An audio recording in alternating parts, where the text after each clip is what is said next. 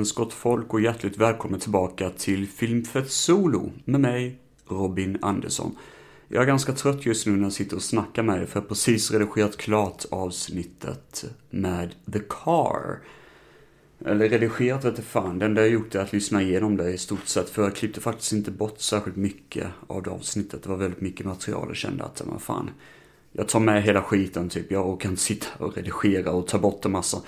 Inte när man får höra mig och min vackra stämma och Josefs hesa, raspiga bajskorvsstämma. Nej, jag bara skojar. Det är, det, det, är faktiskt skitkul att han ville vara med och eh, jag ser fram emot nästa gång man är med en gäst här i eh, Filmfett Solo. Det är kul.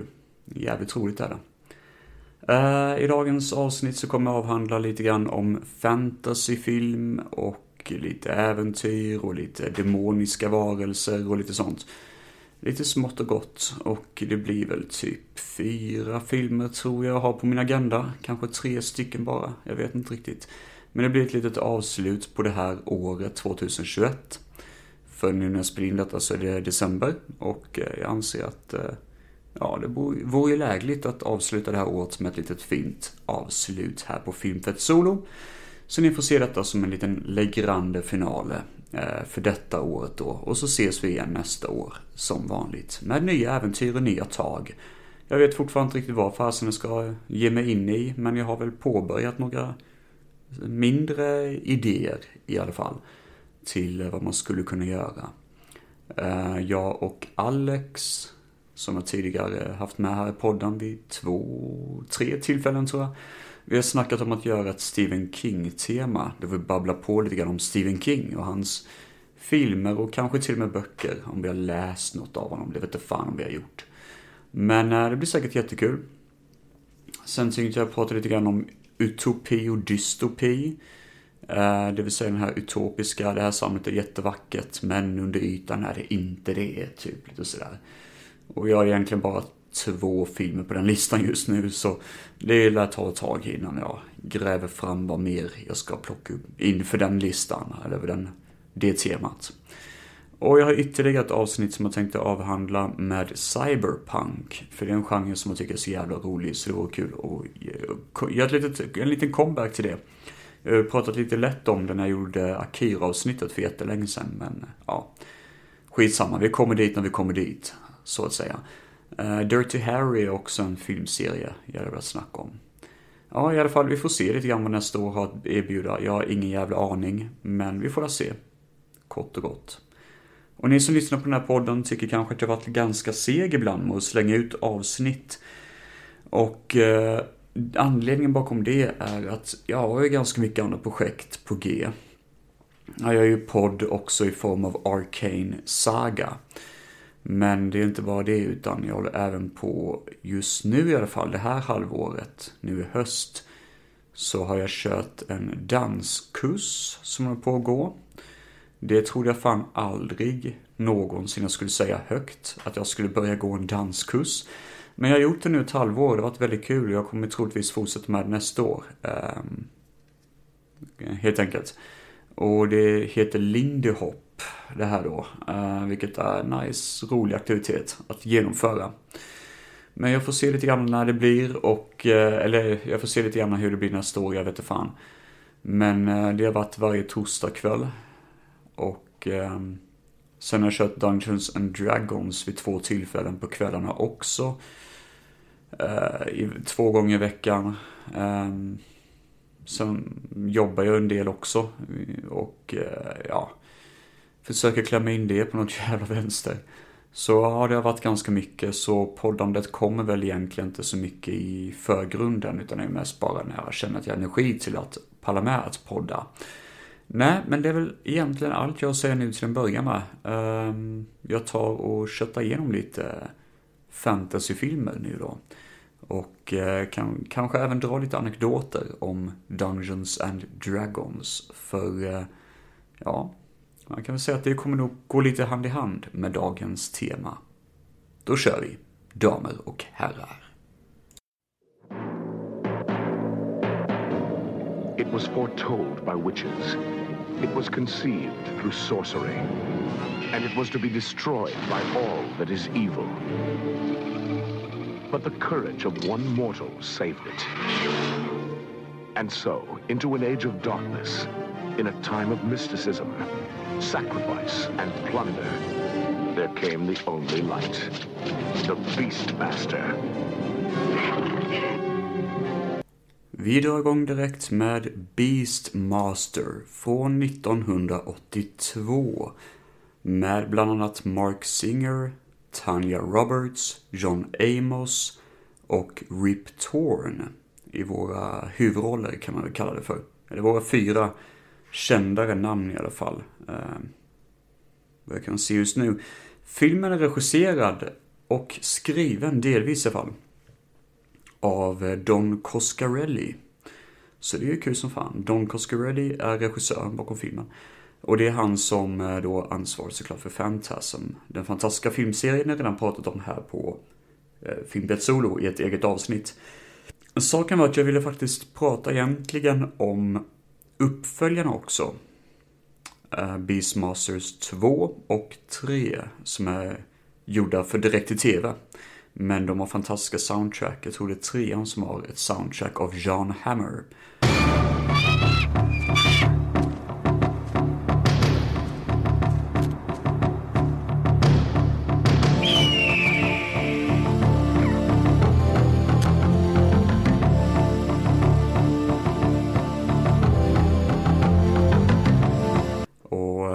Ser kvaliteten i alla fall på trailern syns man att det är typ där all budget gick till. Tydligen finns det en tv-serie baserad på uh, Beastmaster. Som eh, dessvärre inte fick en upp, eh, uppföljning eller fortsättning så att säga. Och uh, ja, det blev inte mer än så helt enkelt. Och den fick också någon typ av animerad serie, tror jag också det var. Den fick lite, lite andra, lite olika material, men det var väl ingen dundersuccé när den kom ut. Det var kanske när den kom på VOS i så fall, som det blev lite kändare. I alla fall så handlar storyn om Mark Singer som spelar eh, en karaktär som heter Dar. Och eh, han, ja, en klassisk eh, story precis som Conan. De kom ju ut samtidigt ungefär, så ingen påverkade den andra filmen. Men Conan, som vi vet, blev en klassisk film med hans. Beastmaster tyvärr försvann lite grann. Men eh, Dar är... Ehm, eh, han föds under mystiska omständigheter tack vare någon ond magi av en häxa som ser förjävligt äcklig ut. Och den här sunkiga häxan kombinerar typ ett ljus mage med en ung kvinna för att föda något barn som ska kidnappa eller något sånt. Men barnet eh, räddas under olika omständigheter. Jag fattar det. Jag får inte riktigt att mm, hänga ihop. Det var, det var faktiskt ett tag sedan jag såg filmen, jag minns inte riktigt. Men eh, barnet Dar räddas i alla fall och ehm, eh, förs i eh, eh, säkerhet då. Eh, av en herre som blir typ den nya pappan till Dar. Och eh, den här pappan berättar att, bara så du vet Dar, så har du en mystisk förmåga som gör att du kan prata med djur. Och eh, det här är ju jättemärkligt att du har den här kontakten, den här psykiska kontakten med djur. Det här är väldigt speciellt. Så han vill ju att han ska hålla det för sig själv. Men så dyker det upp onda jävlar, onda karaktärer som på något vis är kopplade till den satanistiska djävulen Max. MAAX spelad av Rip Torn. Och eh, det är han då som en satanistledare kan man säga, som har skapat Dar i stort sett och skapat hans onda krafter. Eh, så Dar blir skivförbannad när Max och hans gäng dyker upp, men de dödar typ alla i hela byn. Och eh, Dar överlever tack vare ren slump i stort sett. Vilket gör att han börjar prata lite grann med djur och samla på sig ett gäng djur och ett gäng människor och varelser för att försöka slåss mot Max och besegra den onda kulten. Som sagt var, det, det, det är ju nästan i stort sett väldigt eh, hand i hand med Conan. Men Conan är roligare att se på, den är hårdare på något vis, den är lite mer gritty, lite mer unik på sin hårdhet och eh, jag är ledsen att säga det, men Beastmaster är inte så bra. Den är ganska tunn. Mark Singer är kul att kolla på. Jag gillar han som hjälte, särskilt i V, där han gör ett jävla bra jobb. Men här tycker jag han är ganska svag alltså. Jag tycker inte riktigt han... Jag vet inte riktigt vad jag skulle kunna säga, men han genomför inte så mycket som får mig att dras in i honom. Han är ju karismatisk, men han är en tråkig karaktär. Det är nog det som är grejen, han är en tråkig karaktär. Bra skådis, men en tråkig karaktär. För han kan prata med djuren, vilket är en jättekul grej, att han liksom kan använda sig av djuren som vapen. Och det gillar man ju. Och han är ju rippad utav bara helvete. Och det, det, är många bra idéer som nästan känns som ett tv-spel. Att det här skulle vara jättekul att spela. Eh, typ någon sån här Genesis-spel. Att nu har du låst upp en gorilla typ som kommer hjälpa dig. Ja, ni fattar nog vad jag menar. Men tyvärr är det inte riktigt så.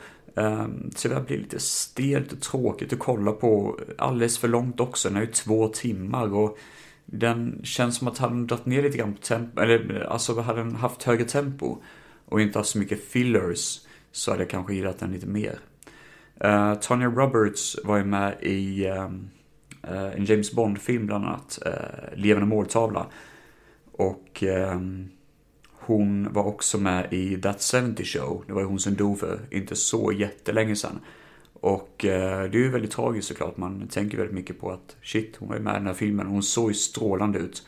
Och var jätteintressant som en före detta slav som försöker då hjälpa um, Eh, Dar och Mark, eh, Mark Singer då.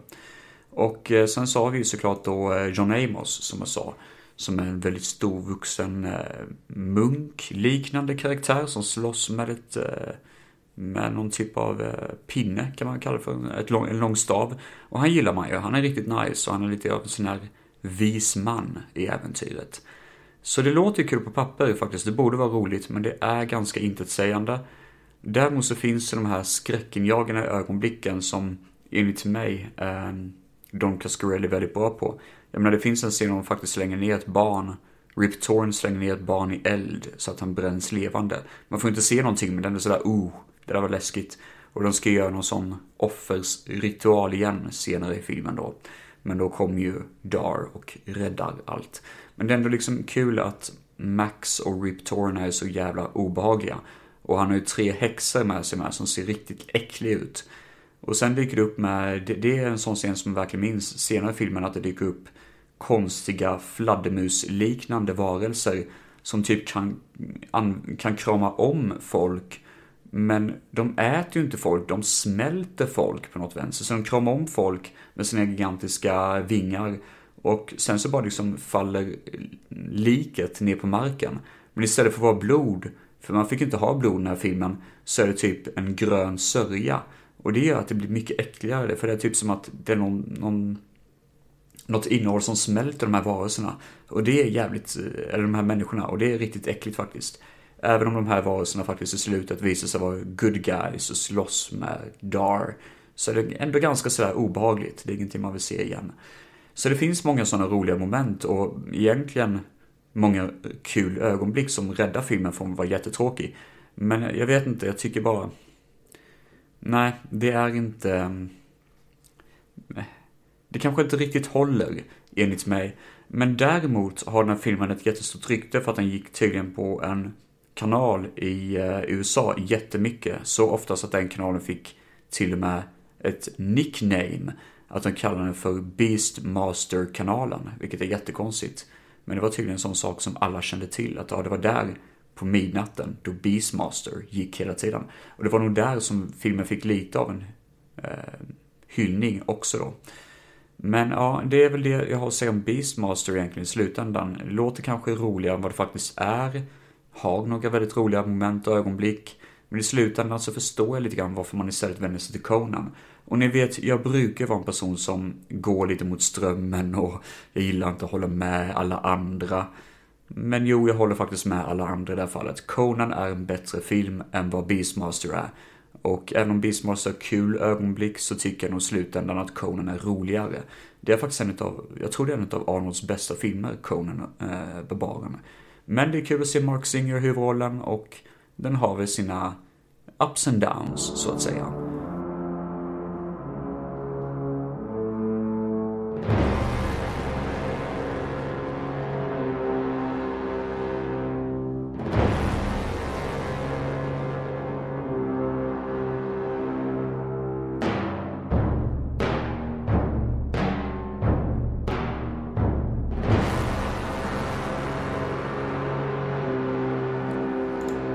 Reser vi vidare, men denna gången med tidsmaskin. För vi ska från 80-talet till 1963.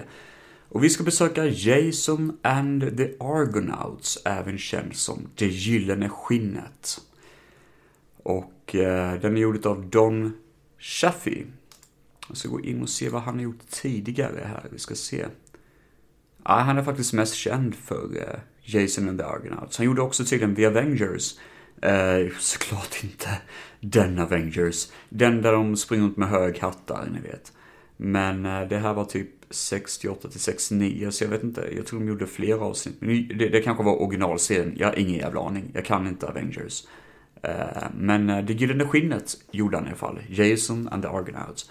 Eh, med filmen har vi Ted Armstrong som huvudroll. Nancy Kovac, vi vet inte vem det är. Och Gary Raymond, oh, det vet jag inte heller vem det är. Men det läskiga är det att huvudrollsinnehavaren i den här filmen, Todd Armstrong, gick bort väldigt, väldigt ung. I självmord, har jag för mig.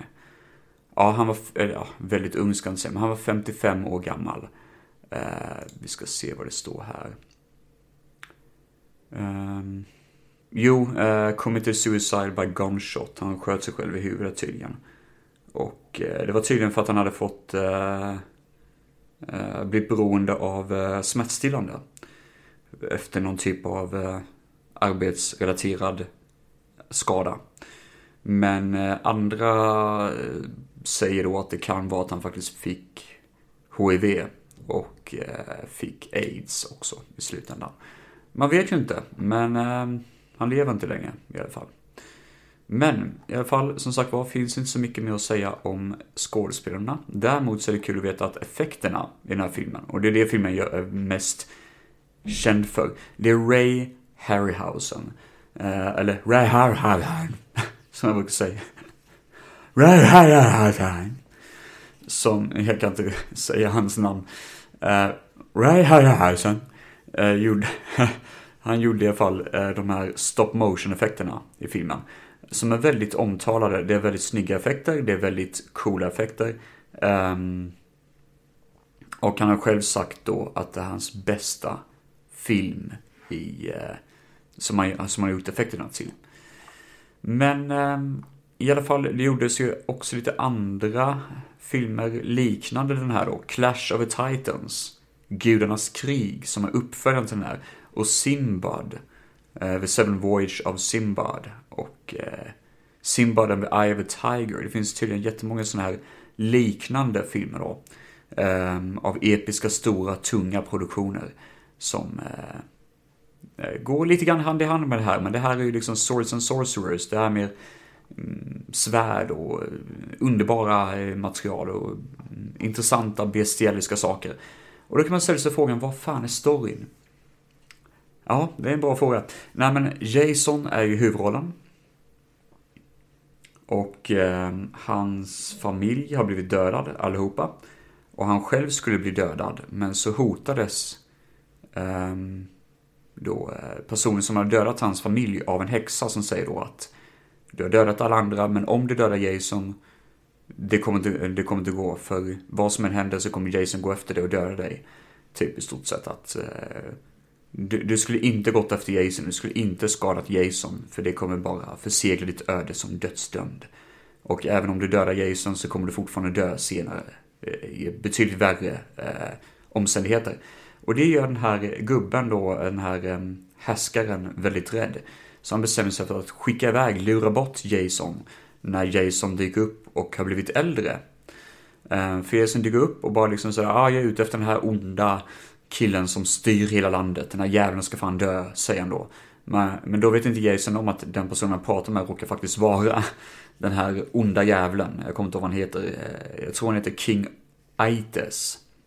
Eh, så han råkar springa på honom bara. Den här onda jäveln ska dö. Och King Aites bara, mm, ja. Det låter säkert jättebra, men eh, innan du gör det så måste du åka till andra sidan jorden, typ. Och resa över de sju haven för att Eh, du ska hitta ett eh, eh, magiskt träd. Och på det magiska trädet så finns ett gyllene skinn enligt legenden då sådär. Så han skickar iväg honom på ett äventyr bara för att ge sig själv tid att, ja men, jag kan inte döda Jason, jag vet om att det inte kommer gå. Men jag vet att de sju haven kommer döda Jason. Så indirekt har jag dödat honom. Ha ha ha. Skrattar han då inför sin son. Men Jason beger sig ut på äventyr. Eh, tillsammans med några tappra män som han har hittat med hjälp av en olympisk eh, tävling. Eh, det är typ Olympia eh, i stort sett som han har genomfört då. Ehm, för att hitta de bästa fighterna ever. Bland annat Hercules som dyker upp och är en fighter. Men gudarna, det vill säga Zeus och Madea och alla andra sådana här gudar som finns i det här äventyret.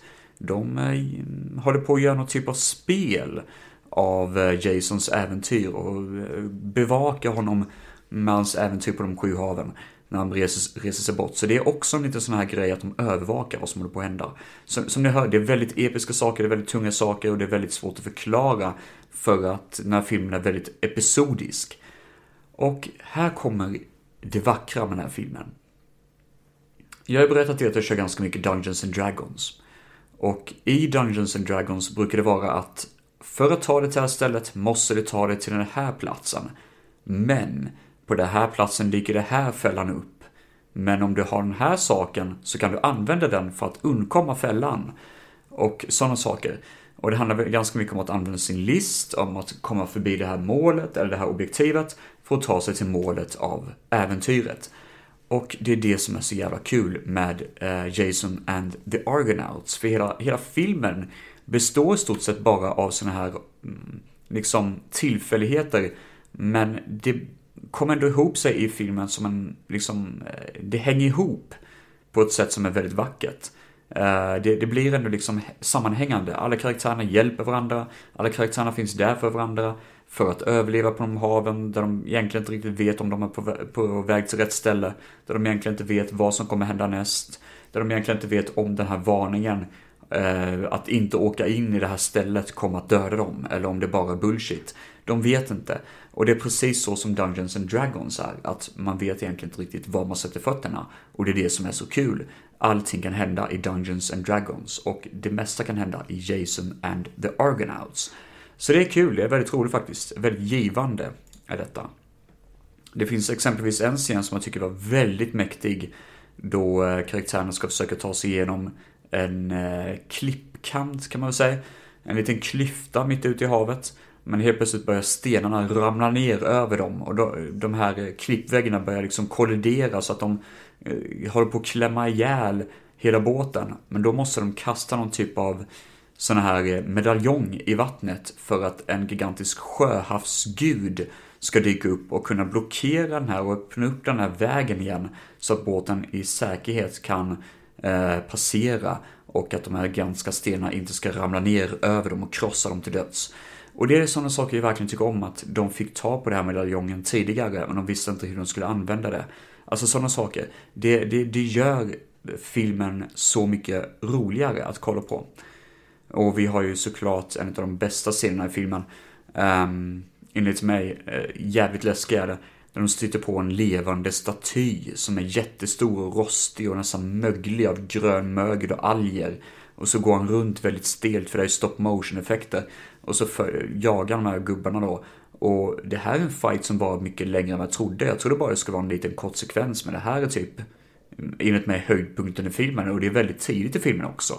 Men det är också det att man fattar att okej, okay, det här äventyret kommer bli väldigt spännande och väldigt överraskande.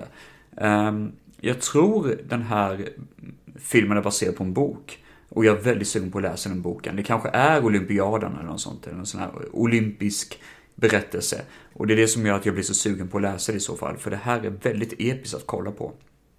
Onda magiker och onda krafter och Ja, det, det, här, det här är riktigt coolt. Det, det är klassiskt 60-tals tungt, men inte jobbigt och dåligt att kolla på, utan tvärtom, det är kvalitet. Det här är liksom rikt av energi och glädje, typ. Jag kan inte sätta fingret på det, men jag, jag bara gillar det här väldigt, väldigt mycket. Eh, jag tycker garanterat att ni ska spana in det. Gillar ni flygande fladdermöss, män med spjut som jagar en gammal blind gubbe? Gillar ni gigantiska gubbar som håller upp klippformationer för att båtar ska passera förbi? Gillar ni det här tunga och episka, men vill se något mer grundbaserat som kanske inte bara är dataanimation? Då är detta verkligen någonting för er, för det här, alltså jag satt med öppen mun genom hela filmen. Eh, jag skulle nästan kunna säga att det här är kanske till och med en av mina favoritfilmer, för det här var bra. Det var riktigt jävla bra och jag var överraskad över det. Och nu när man är inne i Dungeons and Dragons som sagt var det, då blir det här mycket, mycket, mycket roligare att kolla på. Jason and the Argonauts.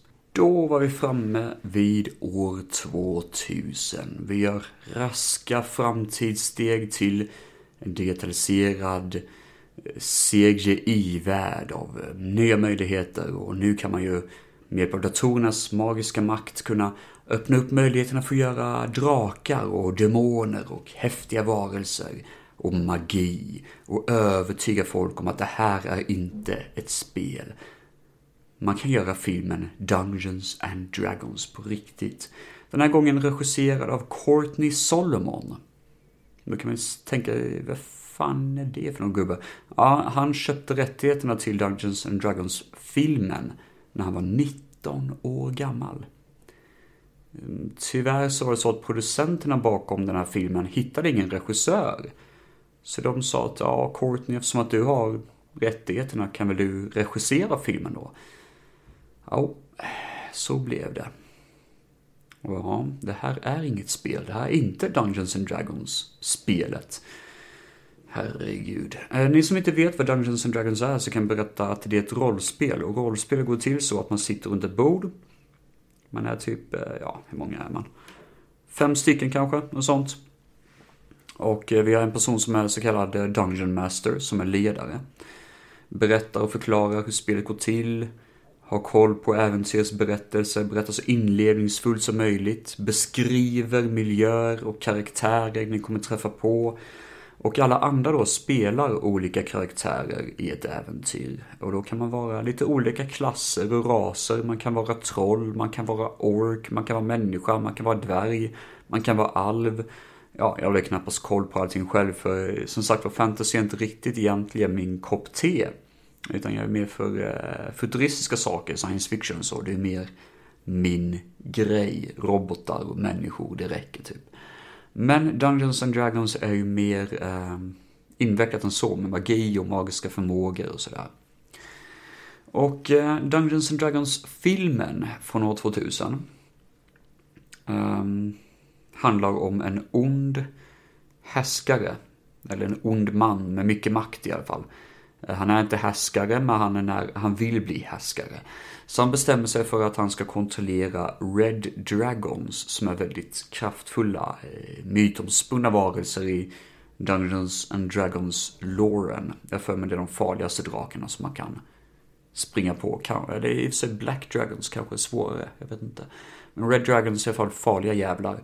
Och han har kommit på en magisk kraft som gör att han kan kontrollera de här eh, Eh, varelserna då med sin egna kraft då. Och få dem att göra följa hans vilja. Ehm, men han måste ha en spira för att komplett kunna kontrollera den här kraften på riktigt då och ett draköga är den sista detaljen han behöver. Ehm, så han skickar en kollega då, som jag inte har namnet på, men han skickar en snubbe eh, till att ehm, jaga tag på den här spiran. Men vad de här karaktärerna inte vet är att två tjuvar har råkat av en händelse fått reda på vad som händer och blir indragna mot deras vilja i äventyret. Där de får ta på en karta som leder till det här drakögat. Och en så kallade mage, som är typ en magisk, eh, liksom, eh, magiker in spree, det vill säga att hon inte riktigt lär sig ännu all magi. Då kallas man för mage, tror jag i alla fall.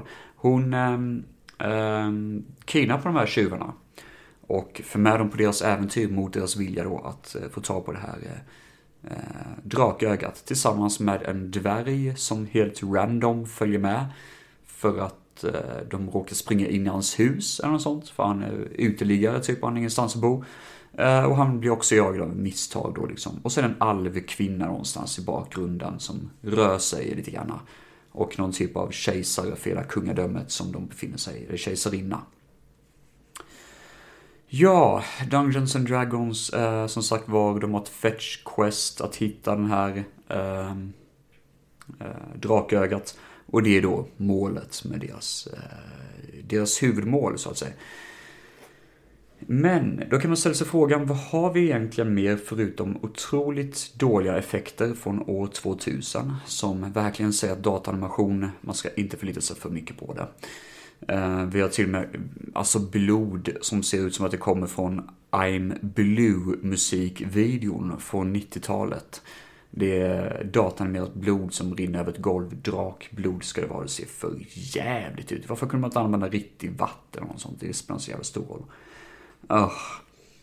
Ja. De här effekterna ser ut som en beta-variant av ett tv-spel. Det ser ut som att så här skulle det sett ut om spelet blev klart, typ. Ja, så här ser filmen ut på riktigt. Den är klar, typ. det, det är det fan inte. Eh, det här ser nästan ut som att det är Sonic the Hedgehog, alltså den första varianten av Sonic när han såg förjävlig ut. Eh, fast den Sonic ser till och med bättre ut än vad Dungeons and Dragons gör. Ja, i alla fall, nog om effekterna. Eh, våra hjältar då, som sagt var, är lite mishmash. Lite olika eh, varelser, eller lite olika yrken som man kallar det för. Två tjuvar, en mage och en dvärg med yxa. Och sånt är ju kul, man gillar ju ändå karaktärer med olika, liksom, eh, etableringar, olika liksom, eh, ja, karaktäriska drag. Men de är jobbiga, de är jävligt jobbiga. För tjuven tänker bara på att sno saker hela tiden, precis som en Rogue gör i Dungeons and Dragons.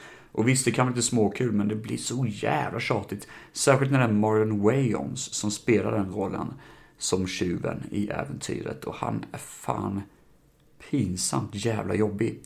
Vi har Richard O'Brien från ehm, um, Our Rocky Horror Picture Show, han är med i, just det. Och uh, den har jag tyvärr inte sett, han är också med i uh, Shock Treatment, men eh, för min del så känner jag igen honom som Mr. Hand från Dark City. Och eh, han har också en liten, mindre roll i eh, Flash Gordon, har han. Som en utav kompanjonerna i Flash Gordon. Men han gör inte så mycket där, dessvärre.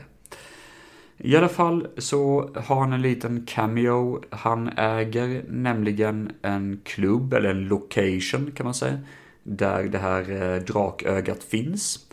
Men problemet är att för att ta sig till drakögat måste man gå igenom en labyrint av fällor. Jag vet inte riktigt hur eh, fan, alltså vem det är som har byggt de här fällorna eller varför man måste eh, följa reglerna i labyrinten för att ta sig fram till mitten av labyrinten. Det känns väldigt konstigt att en person äger labyrinten och ändå bara, ja, jag har aldrig lyckats få tag på den här, eh, eh liksom, eh, vad heter den här eh, stenen.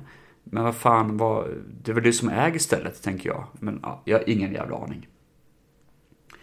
Eh, vi får även se så kallade beholders i äventyret. Och beholders är flygande klassiska ögon, typ. Eh, de dyker upp det ser ut som att, alltså, de ser ut som de gör ungefär i Big Trouble in Little China.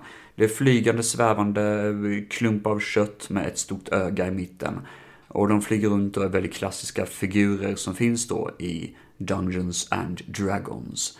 Men eh, som sagt var, de gör egentligen inte så jättemycket i den här filmen. De bara flyger runt och ser för jävla ut i dålig datanimation. Och de tillför egentligen inte ett skit. Så vi kan gå in på karaktärerna då, eller på skådespelarna rättare sagt.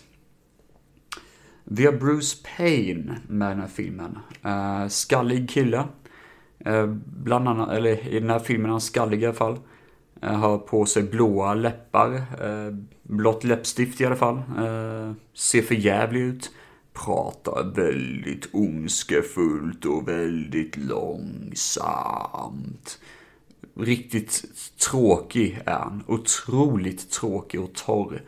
Um, och han ska ju då vara den karaktären som jagar efter karaktärerna hela tiden. Sen har vi Jeremy Irons som är helt fucking batshit crazy. Han, alltså jag kan säga så här, Nicolas Cage må ju vara en övers överspelande skådis men herregud, han har ingenting att komma med när det jämförs med Jeremy Irons. Jeremy Irons går så extremt att det är fan skrattretande. Och tydligen har Jeremy Irons till och med sagt att han gjorde bara den här onda rollen som den onda kejsaren i filmen bara för att han behövde betala av eh, ett slott han har köpt. Typ, man bara, vad fan, varför går du runt och köper slott för? Jag menar, jag har inte de problemen i mitt liv. Äh, för fan. Nej, alltså jag vet inte ens var jag ska komma någonstans. Men nej, det ser riktigt risigt ut. Han förtjänar nästan att få någon Razzie Award för det här. Jag, ska, jag undrar om man inte fått det. Den här filmen måste ha vunnit någon typ av...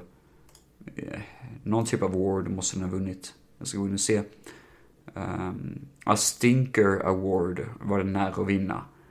Uh, men den vann faktiskt, faktiskt ingen Razzie. Jävla märkligt. Um, ja. Den vann i alla fall pris för, när den blev nominerad för Worst Supporting Actress för en skådespelerska som heter Fora Birch. Hon skulle spela då den goda karaktären, den goda ägarinnan eller kejsarinnan av den här världen man befinner sig i. Och hon är riktigt tråkig. Uh, alltså riktigt, hon sömnigt tråkig. Sen lustigt nog nominerad för sämsta supporting actor är faktiskt Jeremy Irons. Vilket är kul för båda två delar en scen tillsammans då han är jätteöverdriven som att han är hög på kokain och hon är jättelow som att hon inte ens mm, lever som människa. Hon får verkligen kolla och se om hon har puls liksom. Sen har vi Worst Sense of Direction. Stop them before they direct again. Den nomineringen gick till Courtney Solomon och ja, jag håller med. Han borde inte vara regissör. Jag tror inte ens han är regissör, den här killen. Han har ju bara gjort tre filmer som regissör. Som producent är han säkert mycket bättre, men regissör är värdelöst. Worst on-screen group. Ja, det är hela the entire cast. Oj, oj, oj, oj. Most intrusive musical score, Justin Kane Burnett. Nej, jag kommer inte ens ihåg att det var musik i den här filmen, men jag har för mig musiken var helt okej okay, faktiskt, ärligt talat. Most unfunny comic relief, Marlon Wayans as Snails. Ja, han är värdelös. Eh, otroligt, otroligt värdelös han. Nej, så det är väl det den nominerades till, men den vann ingenting, vilket jag tycker... Ja, jag vet inte vad fan som kom år 2000, men det låter ju ganska hemskt i sig. Nej, så jag har inte mycket mer att säga om det. Det här är en otroligt dålig film. Eh, det är nog, ja, det är utan tvekan bottenskrapet i dagens avsnitt. Och eh, det säger inte särskilt mycket. Jag menar, den är två timmar. Det låter kanske kul att kolla på för stunden, men Nej, fy fan, det var det verkligen inte. Jag har sett den en gång tidigare och ja, då tyckte jag det var lite halvkul att kolla på för det var så dumt. Men nu när man ser om det så bara, nej fy fan, jag orkar verkligen inte. Jag hade aldrig tagit mig igenom den här filmen igen. Um, det här är... År 2000 sög fan när det kom till film alltså. Herre Jesus Christ. Och då landar vi på 80-talet igen. Uh, nu är det... Vi ska se, 83 är det. 1983. Och det är ganska nice. 80-talet ändå liksom, det har ju ändå sin charm. Frågan är om det kommer bli bättre än vad det var med ehm, um, den förra filmen då, som jag pratade om från 80-talet, det vill säga då uh, Beastmaster. Vi får då se vad jag tycker. Filmen heter Krull. Krull.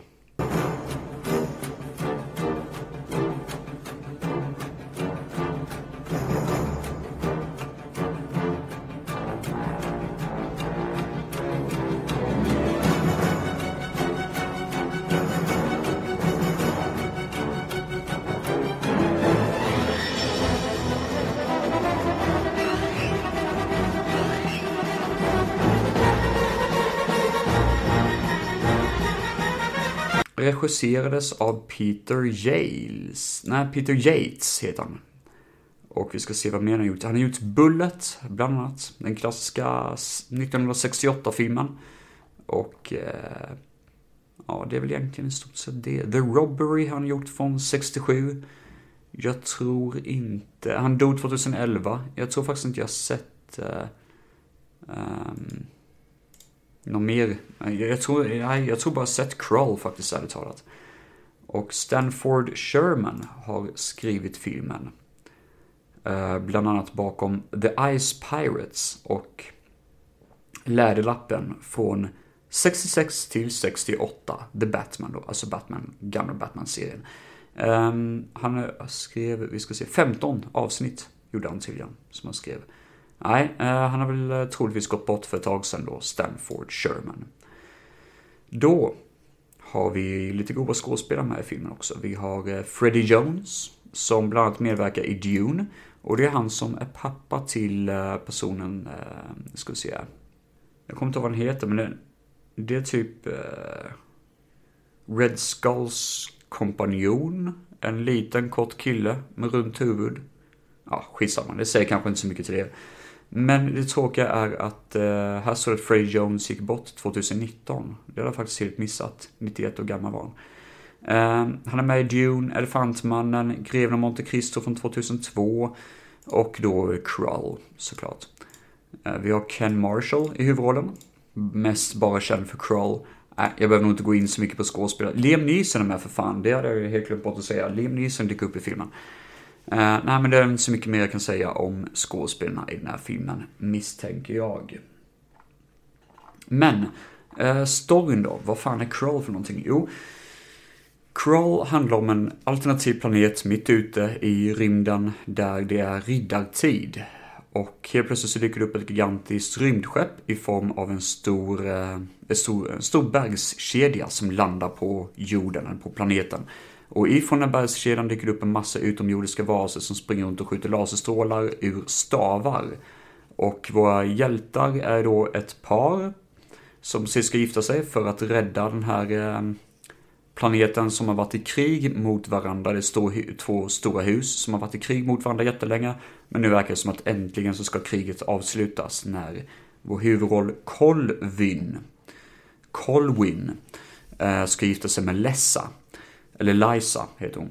Men eh, det är då helt enkelt eh, storyn att de får skrifta sig när här utomjordiska varelserna slår till. Och Corwin försöker rädda eh, Lyssa från att bli kidnappad, men lyckas inte. Så nu måste han tillsammans med ett gäng olika varelser och människor och allt möjligt försöka hjälpas åt att eh, ta sig an då eh, den onda rymdinvasionen och dess ledare som ser ut som en demonisk varelse som bor i det här eh, Eh, flygande, eller den här mystiska eh, bergskedjan. Eh, han ska, The Beast heter han, den onda skurken i äventyret. Ja, gott folk. Eh, äventyret som sagt var rymdinvasion på en planet som har, eh, vet du, förhistoriska grunder. Det låter ju jättekul och det är faktiskt ganska roligt. Storyn är tillräckligt intressant för att man ska känna sig att det här kan komma att bli en rolig film att se. Dessvärre är det så att filmen är väldigt tunt berättad.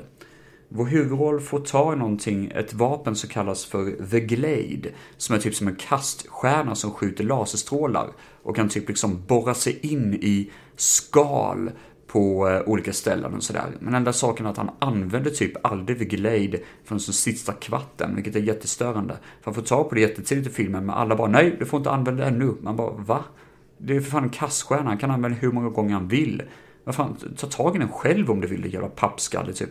Jag menar, man vill ju använda sån skit. Men tyvärr eh, dyker det inte upp så mycket i filmen. Och likadant är att det är så mycket liksom, han måste samla på sig en massa olika karaktärer. Um, Liam Neeson dyker upp som är en, uh, han är medlem i ett band banditer som ska hjälpa då Colwyn att återfå Liza. Men det är ändå sådär att han måste åka dit, prata med dem, få ta på några hästar som kan typ rida genom luften för att de kan flyga. Och han måste också få ta på en eh, cyklop som bara har ett öga, som blir deras vän. Och det är liksom sådär, det är tråkigt att kolla på typ. Det, det blir enformigt och segt på något vänster att följa det här. Men det finns ju några scener som faktiskt är kul. Det finns många coola element som borde funka, men det bara klistras ihop på ett sätt som inte riktigt flyter på. Inte som i Jason eller Argonauts där karaktärerna faktiskt får rum att bli viktiga. Eller där alla sådana här farliga situationer som uppstår verkligen blir nagelbitande. Utan det är bara liksom sektioner som inte riktigt funkar i helheten. Utan det blir klistrigt på något vänster. Eh, det här är en av de dyraste filmerna som hade producerats av företaget. när den väl kom ut, för de hade inga backers på filmen, så de gjorde allting själva. Och filmen floppade ju lite grann, annars hade vi säkert fått en uppföljare. Men däremot så får vi, som sagt var, vi får ju ändå coola element som funkar. Och det är det som är grejen med filmen som ändå är kul. Som exempelvis så får vi en scen med en kristallspindel. Då eh, en av gubbarna i filmen kliver in och mm, springer efter en eh, kvinna som sitter i ett eh, sån här spindelväv kan man väl säga. Och hon har suttit där jättelänge och det, det är någon backstory bakom det, jag kommer inte ihåg varför. Men i alla fall så är det någon gigantisk spindel gjord av kristall som jagar efter honom.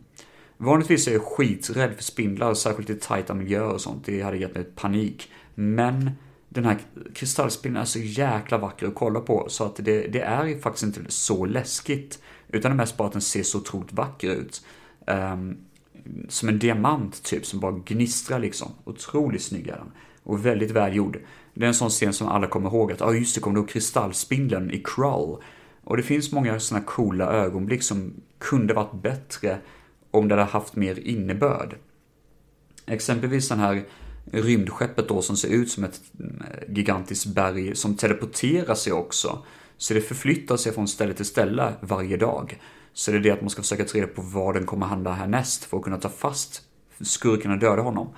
Men det roliga med det här är det att själva det här rymdskeppet ser så jäkla psykedeliskt och coolt ut när man väl kommer in i det. Ser ut som ett lustigt hus, mm, enbart bestående av vita väggar och det är nästan som att hela byggnaden lever av sig själv, eller hela eh, berget lever som en pulserande organ och det är jättevackert och extremt välgjort. Så det låter som att jag hypar upp och bara bygger upp den här filmen som the best movie of my life. Men jag har sett den två gånger och jag tycker den är för långsam. Jag tycker tempot är för tråkigt. Jag tycker att den har potential som bara inte riktigt faller för mig. Det här är ingen film jag vill plocka upp och se igen, för jag vet att jag bara blir besviken varje gång jag ser den. Den borde vara kul, men den är fan inte kul. Den är lite mm, tom. Och det är det som är synd, för karaktärerna har potential, filmen har potential, men det bara faller i att det inte riktigt genomförs på ett okej okay sätt. Och det är där problemen ligger med Crawl. Det borde funka, men på något sätt gör det bara inte det. Så, då ska jag göra någon typ av rangordning av de här filmerna, för nu är vi klara med samtliga fyra underbara titlar, eller hatiska titlar, beror väl på hur man ser det. Och jag tänkte väl göra, jag kommer fan inte ihåg hur jag brukar göra, men vi gör så här, jag kör från eh, från sämst till bäst. För vi ska vara positiva idag, det är sista avsnittet av Film för Solo, nu år 2021. Så det är lika bra, vad fan, why not? Why the fuck not? Som man säger på engelska. De där jänkarna. Nej, men sämst då, det är ju Dungeons and, the, Dungeons and Dragons. Det är en riktigt risig film. Eh, med otroligt värdelösa effekter som inte bärs av något kul skådespel. Den är otroligt 2000-tal på ett sätt som inte är kul någonstans. Och det för att tänka på A Sound of Thunder, den här värdelösa jävla filmen som jag pratade om för ett tag sedan. Riktigt, riktigt risig och bara otroligt orolig att kolla på. Den, den är inte kul någonstans. Um, så nej, Dungeons and Dragons, jag är ledsen, men den här faller platt för mig. Det är ett av fem i betyg. Nästa då. Ja, jag får säga Beastmaster faktiskt. Eh, jag tycker Beastmaster är nog den tråkigare av den och Krull i alla fall. Jag tycker inte den lyckades vara tillräckligt originell eller kul eller minnesvärd förutom några riktigt intressanta scener. Men vägen dit är lite för tråkig och lite för träig och jag föredrar ju såklart och rekommenderar såklart att visa eller att se Can eller Conan istället då. Det är betydligt bättre alternativ än Beastmaster. Men det är ingen värdelös film, det är bara det att den inte riktigt höll för mig. Så jag ger den 2 av 5 i betyg. Den är ändå stabil och okej okay, och jag kan ändå rekommendera den betydligt mycket mer än Dungeon, uh, Dungeons and Dragons. Uh, och det är väl också lite touch av Dungeons and Dragons i hur karaktären springer runt och hittar olika karaktärer som blir medhjälpare under filmens gång. Vilket funkar betydligt bättre än Dungeons and Dragons-filmen. Fy Fan vilken skit. Beastmaster får två av fem av mig. Och då har vi nummer tre på listan. Ja, det är ju Krull utan tvekan. Och jag ger den faktiskt 2,5 av 5 betyg. För som sagt var, det finns saker som jag bara vill gilla. Och ser man vissa klipp så tycker man det här är kul att kolla på. Men helheten är fan inte rolig. Den är inte riktigt intressant nog för att bli bärande. Och det är nog det som är problemet med Krull. Så ja, Krull får 2,5 i betyg av mig. Den går inte riktigt hela vägen fram. För min del då, såklart. Och då kör vi den bästa, the best of the best. The winner takes it all. Och det är ju som sagt var, som jag sagt innan, det är Jason and the Argonauts är det såklart. Eh, det här är en riktigt klockren film. Otroligt bra berättad, väldigt spännande och innovativ i design och look och bara häftig och tung och mäktig. Det här är en dyr film, precis som egentligen Crawl är. Men på något vis så tycker jag den är roligare i att se i de innovativa sätten hur karaktärerna beter sig och besegrar olika element och mål i hur de får olika nycklar till att lösa nästa problem och nästa gåta och vad som kan dyka upp och vad som kan vara ett hinder för dem framöver. Sånt tycker ju jag är jätteroligt och jag är nog inte ensam om det. Så Jason and the Argonauts är garanterat en film som kan vara en av de mest häftigaste upplevelserna. Sen hjälper det att jag faktiskt såg den här filmen en måndag och jag var blown out of my fucking mind. För man brukar inte se så bra filmer en måndagkväll liksom. Men i det här fallet var det verkligen så. Det här var en riktigt bra jävla film. Så den får faktiskt 4,5 av 5. Nästan fullpottare. Det kan vara att jag faktiskt höjer den till 5 av 5 om jag ser om den någon gång. Men innan dess 4 av 5. Men för guds skull se den. För det här är en upplevelse utan dess like. Ja, men då tycker jag väl jag att jag har avrundat rätt bra där i alla fall när det kommer till det här temat. Ja, det har varit ett fint år här på Filmfett solo tycker jag. Och eh, jag hoppas att nästa år kommer vara lika givande. Vi får se vad nästa år har att bjuda på, det vet fan. Men eh, kul har det varit det här året. Väldigt kul och väldigt mastigt och väldigt kul. Nej, men seriöst, jag är ganska halvtrött just nu. Eh, jag hoppas att ni får ha en, att ni får ha, att ni har en underbar period och att eh, nästa år kommer bli eh, givande för er allihopa. Det förtjänar ni, bortom er vetenskap. Jag vet inte fan vad jag babblar på med lite så. Nej, men gott nytt år på er och ha det bäst allihopa. Glöm inte att följa Filmfett på Instagram och på Facebook. Ha det bäst. Hej.